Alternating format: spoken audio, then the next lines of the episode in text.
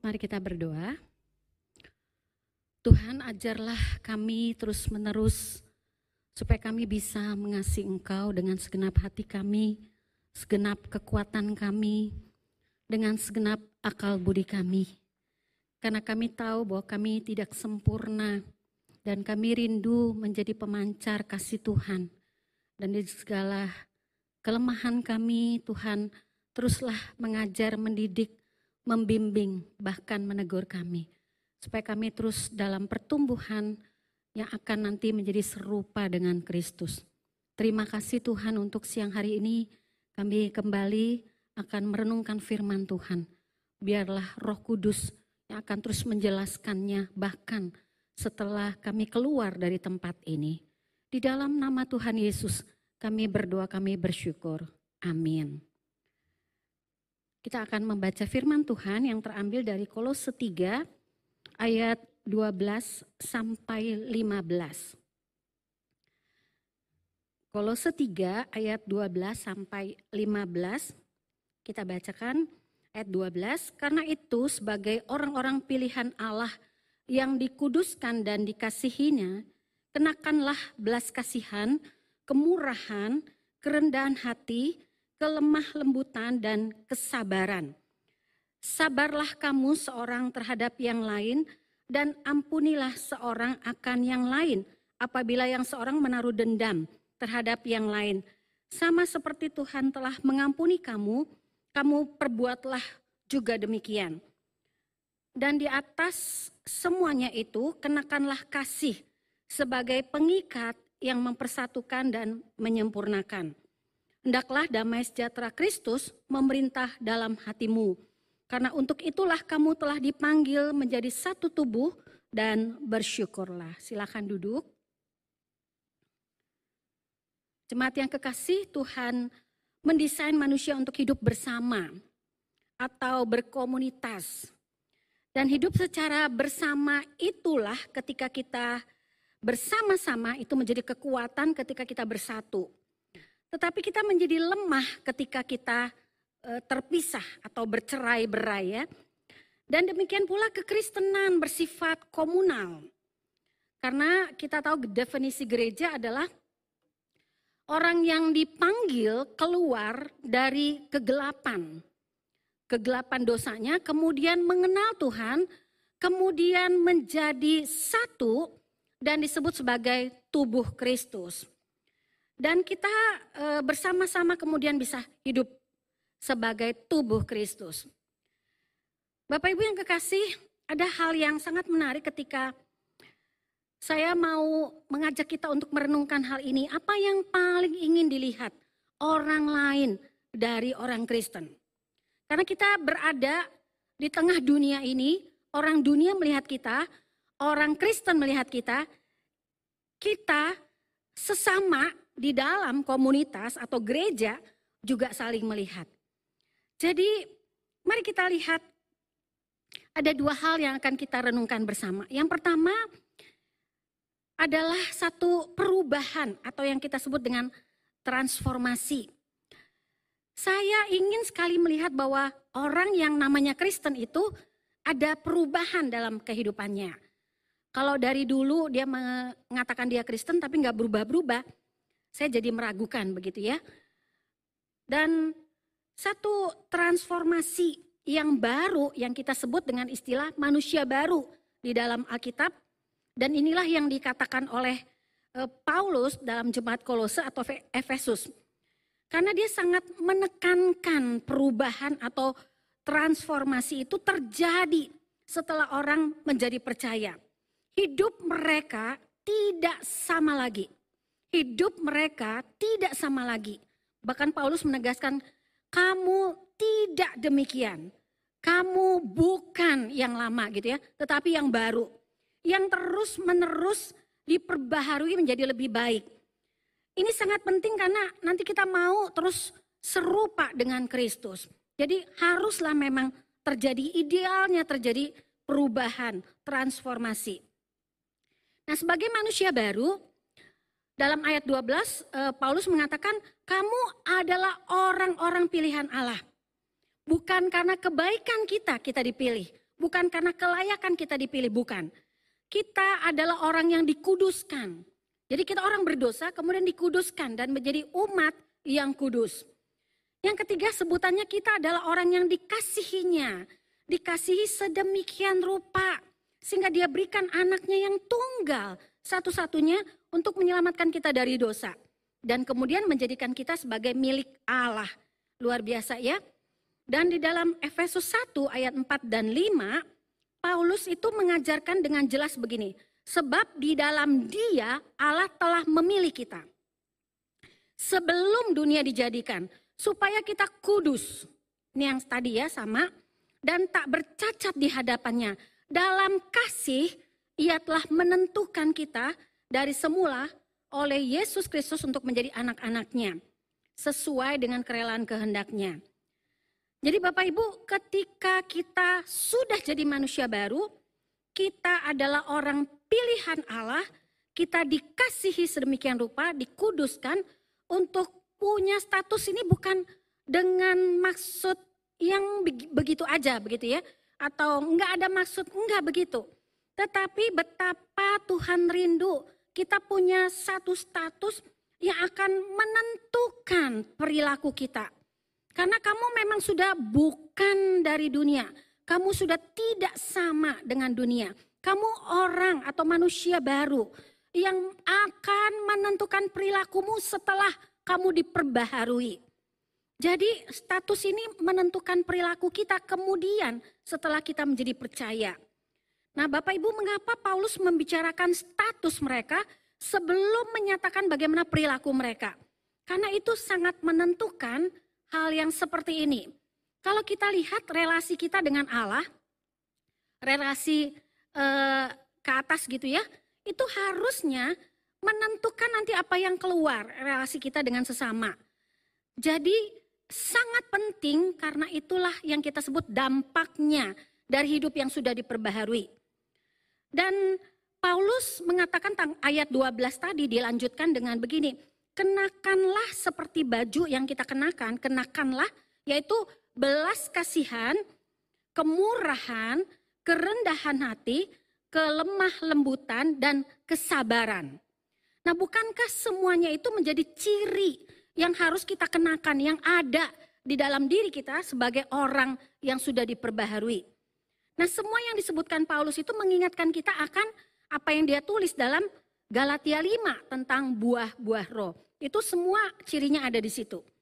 Jadi pentingnya hal ini menunjukkan bagaimana nanti implementasi dari kualitas kehidupan yang sudah kita kenakan yang baru itu di dalam komunitas kita.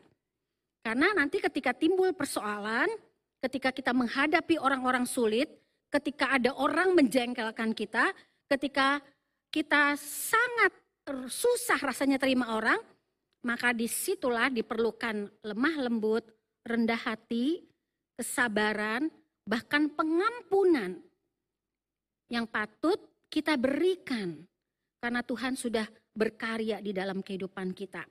Nah, kualitas dari hidup yang diubahkan itu akan makin teruji ketika kita di dalam komunitas.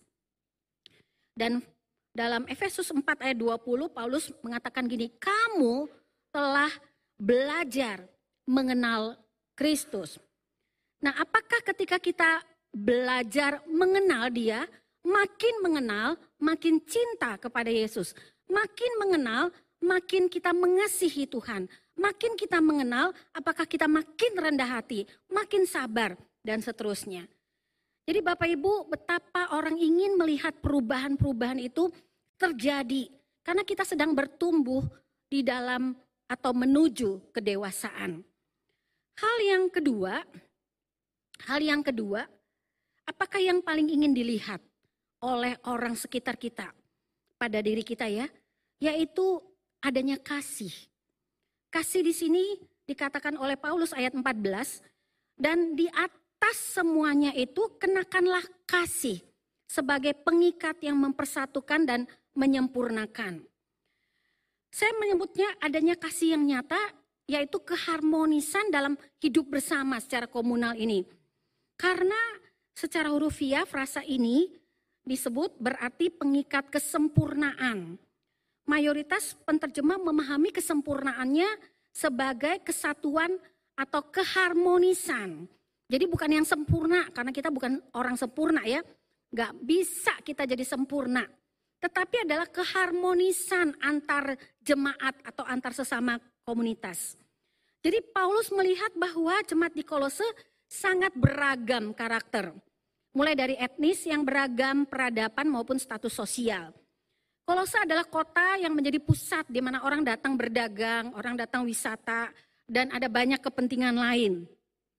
Kolose juga menjadi pusat berbagai kegiatan, perdagangan, filosofi, tradisi, budaya bercampur.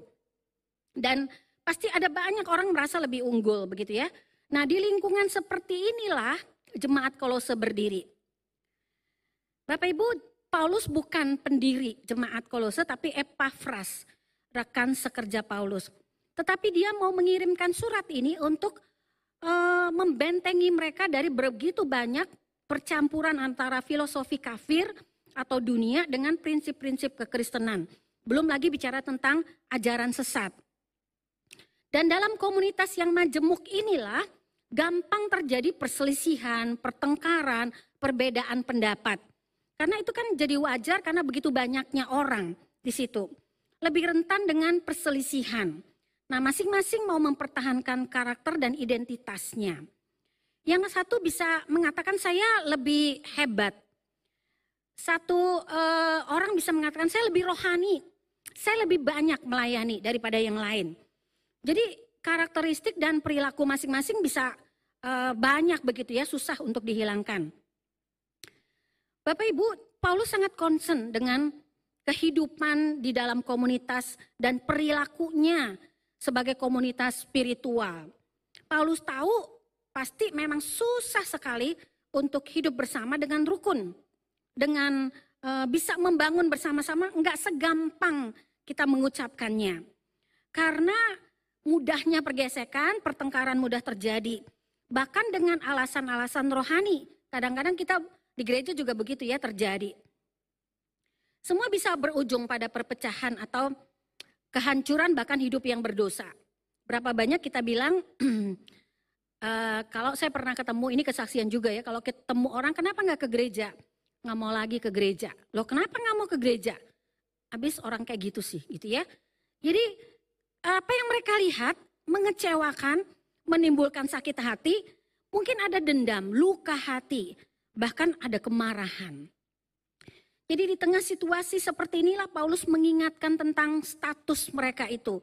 Betapa penting status supaya mereka tahu mereka tidak berperilaku yang lama, tapi harus jadi manusia baru. Sehingga komunitas sebagai e, gereja itu pun e, persekutuan orang percaya itu dibangun di dalam hal yang sudah diperbaharui. Dan ketika mereka berada dalam komunitas harusnya karena beragam jadi saling melengkapi gitu ya. Satu hal yang indah membangun dalam kasih. Nah alangkah indahnya begini Bapak Ibu. Kalau orang percaya atau kita berada dalam komunitas berjemaat yang menerapkan hidup dalam belas kasihan, ada kemurahan, ada kerendahan hati, kelemah lembutan dan kesabaran. Ketika semua orang mau memberi pengampunan kepada orang lain mengasihi satu dengan yang lain, mencari kedamaian dan harmonis, keharmonisan. Bukankah ideal banget ya dan kita kalau ada di tempat seperti itu sangat luar biasa. Namun realitanya mengapa justru yang sebaliknya yang sering kita lihat bahkan tidak heran di dalam gereja. Mengapa di situ sering kali menjadi tempat di mana ada iri hati, ada persaingan, ada kepentingan diri, egoisme. Kemudian yang lain-lain tuh banyak dirasakan. Kita membawa tujuan kita masing-masing.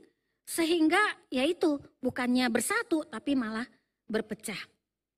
Dan yang lebih ironis, Bapak Ibu, kasih itu semakin pudar di sebuah komunitas yang seharusnya paling banyak memancarkan kasih. Di mana itu? Keluarga dan gereja. Bukankah keluarga tempat di mana kasih dicurahkan? Karena itu sangat dekat sekali. Gereja juga disebut keluarga Allah. Di situ kita juga berada. Tapi kenapa kasih semakin pudar? Nggak seideal yang tadi itu.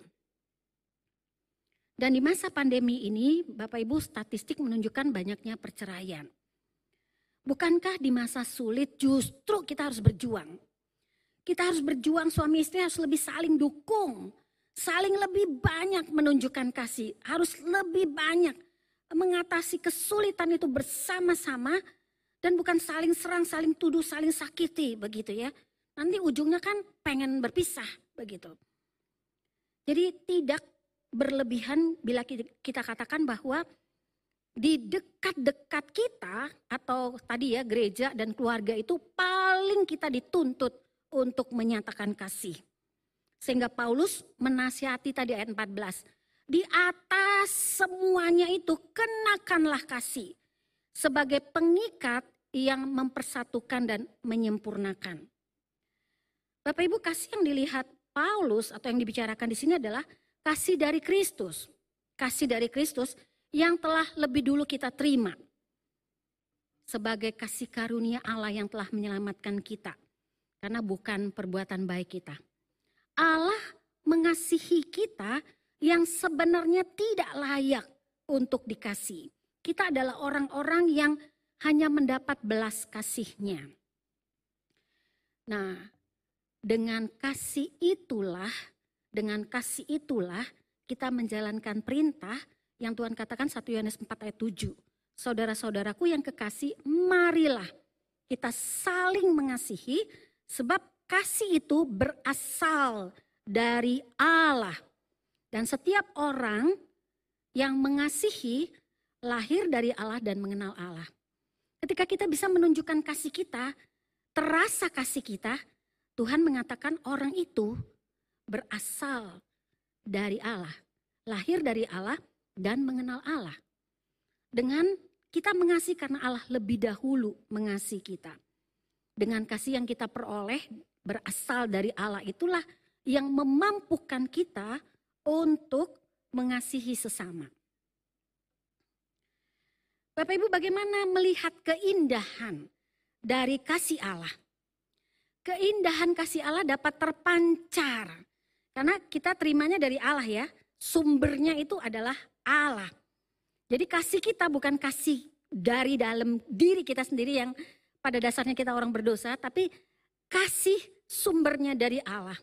Keindahan itu bisa kita lihat ketika kita memancarkannya melalui keindahan kasih kita kepada sesama di dalam komunitas. Karena memang Allah sumber kasih. Kita tuh cuma memancarkan dan kita terus perlu bergantung kepada sumbernya. Hanya Allah yang memampukan orang percaya untuk melakukan perintah ini. Perintah yang sering kali kita sebut, tapi memang tidak mudah untuk dilakukan.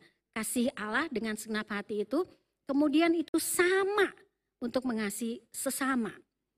Kalau kita nggak bergantung kepada Allah, rasanya mustahil untuk bisa melakukan, mempraktekkan kasih itu. Bapak Ibu kita adalah orang-orang yang tidak sempurna. Kasih kita tidak sempurna kasih kita ya, walaupun kita sudah dikasih Allah sedemikian rupa, kita punya kasih, tapi kasih kita tetap kasih yang tidak sempurna. Tetapi waktu kita berkomunitas, kita juga punya orang-orang yang kita kasihi, ya, dan dia pun punya kasih yang tidak sempurna kepada kita. Tapi indahnya di dalam Kristus itu bisa menjadi sempurna atau disempurnakan oleh Allah untuk saling melengkapi kekurangan kita. Karena kasih kita dapat menerima setiap orang dengan segala keberadaan mereka. Dapat membangun bersama di dalam kekurangan kita. Kita ingat Bapak Ibu 1 Korintus 13. Ketika Paulus menulis ini, yang kita ingat pasti di dalamnya adalah tentang kasih, 1 Korintus 13. Kasih sebagai yang terbesar. Nah, jemaat Korintus adalah jemaat yang kaya dalam segala sesuatu. Kaya materi, kaya SDM, kaya karunia, kaya pelayanan. Tetapi di sana juga kaya akan perbedaan karena berapa banyak orang gitu ya, berapa banyak hal yang terjadi. Dan Paulus menulis 1 Korintus 13 yang menyatakan tentang kasih. Dan ini menjadi peringatan di situ yang ditulis Paulus begini.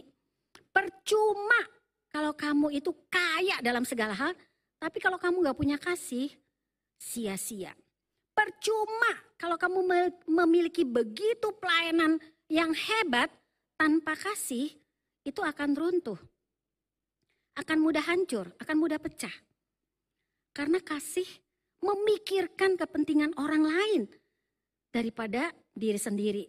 Kasih di dalamnya ada belas kasihan pada orang yang susah dan menderita. Di dalam kasih menunjukkan kesabaran menanggung orang yang susah berubah. Ini kalau orang-orang auban ya udah kita keluarin aja begitu ya. Orang yang susah dikasih tahu, udah nggak usah ikut-ikutin. Nggak bisa, kalau kita mengasihi, kita mau. Dan sedia menyatakan pengampunan pada yang menyakiti. Saya rasa mengapa banyak orang tidak mau ke gereja, salah satunya karena merasa sakit hati. Karena disakiti. Dan harusnya kita mau berikan pengampunan kepada mereka. Kasih menerima kekurangan-kekurangan yang lain tanpa mencemooh dan merendahkan. Kasihlah yang mengikat semuanya itu Bapak Ibu. Mempersatukan semua pribadi dan karakter. Kalau cuma ingat diri sendiri nggak bakal bisa berkumpul. Bersatu nggak mungkin. Kasih yang membuat perbedaan status sosial tidak lagi jadi penghalang untuk saling memperhatikan. Kasih harusnya membawa kita yang dikasihi yang tadi ya yang saya bilang, saya tidak sempurna kasihnya, yang saya kasihi pun tidak sempurna, tapi harusnya membawa kami gitu ya, saya dan dia untuk bersama-sama lebih menyembah Tuhan, mengasihi Tuhan dengan lebih baik lagi. Bertumbuh karena Tuhan pemberi kasih dan penyempurna kasih dalam kehidupan kita. Jadi gereja bukan tempat yang paling sempurna, gereja adalah komunitas orang berdosa yang terus bergantung pada kasih karunia Allah. Tadi ya ingat, gereja adalah kumpulan orang yang dikuduskan menjadi satu tubuh karena dikasihi, tapi juga gereja menjadi tempat di mana ada orang-orang terus berbuat dosa dan butuh kasih karunia. Kita pun di dalam komunitas selalu butuh pengampunan dari Allah akan dosa kita. Jadi Bapak Ibu, kasih Kristus adalah kasih agape yang dapat menjadi kasih seutuhnya ketika kita terapkan dalam relasi. Karena kasih itu bukan sebenarnya melulu tentang dikasih gitu ya, diberi gitu. Tetapi kasih yang berkorban. Kasih di mana ada kepahitan tapi ada pemulihan atau pengampunan. Di mana ada kesusahan tapi juga ada penghiburan di mana ada pedih, kepedihan, tapi juga ada penguatan dan seterusnya. Kasih Allah memancar dari kasih yang kita terima kepada sesama. Setiap orang Kristen berperan sekaligus kita bertumbuh di dalam komunitas yang saling mengasihi. Jadi ada saling ketergantungan.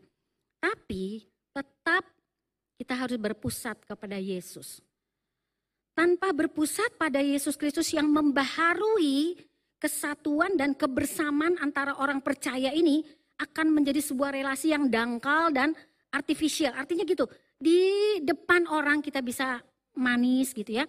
Di depan orang kelihatan aman, baik. Tapi nggak sampai kedalamannya, jadi cuma di atasnya. Kita hanya mungkin sampai pada kebutuhan kita. Kita berhai-hai begitu ya. Sehingga ketika kasih telah mempersatukan semua karakter, baru muncullah damai sejahtera. Dan ketika damai sejahtera muncul, firman Tuhan kayak apa pun kerasnya, kita bisa terima dengan baik. Kesimpulannya Bapak Ibu hari ini ketika kita bicara tentang kasih yang mempersatukan. Dan dua hal itu tadi yang ingin ada di dalam komunitas kita orang percaya. Menjadi manusia baru bukan berarti sempurna ya terjadi terus perubahan-perubahan akibat penebusan. Dan kita adalah orang yang akan terus akan terus diubahkan oleh Tuhan. Dan tentu perubahan itu menyangkut perilaku-perilaku, tingkah laku, pola kita, gaya hidup kita berubah. Nah, kasih kita yang tidak sempurna itu tidak pernah cukup sebenarnya untuk menciptakan keharmonisan dan kesatuan yang sempurna gitu ya. Tapi masing-masing orang yang hanya bisa menyodorkan kasih yang tidak sempurna akan terus mencoba, akan terus belajar, akan terus memberikan. Ya kan? Satu dengan yang lain untuk saling melengkapi. Kesatuan yang sempurna bukanlah sebuah kesatuan tanpa celah Ingat ya Bapak Ibu, kesatuan kita, kebersamaan kita bukan kebersamaan tanpa celah.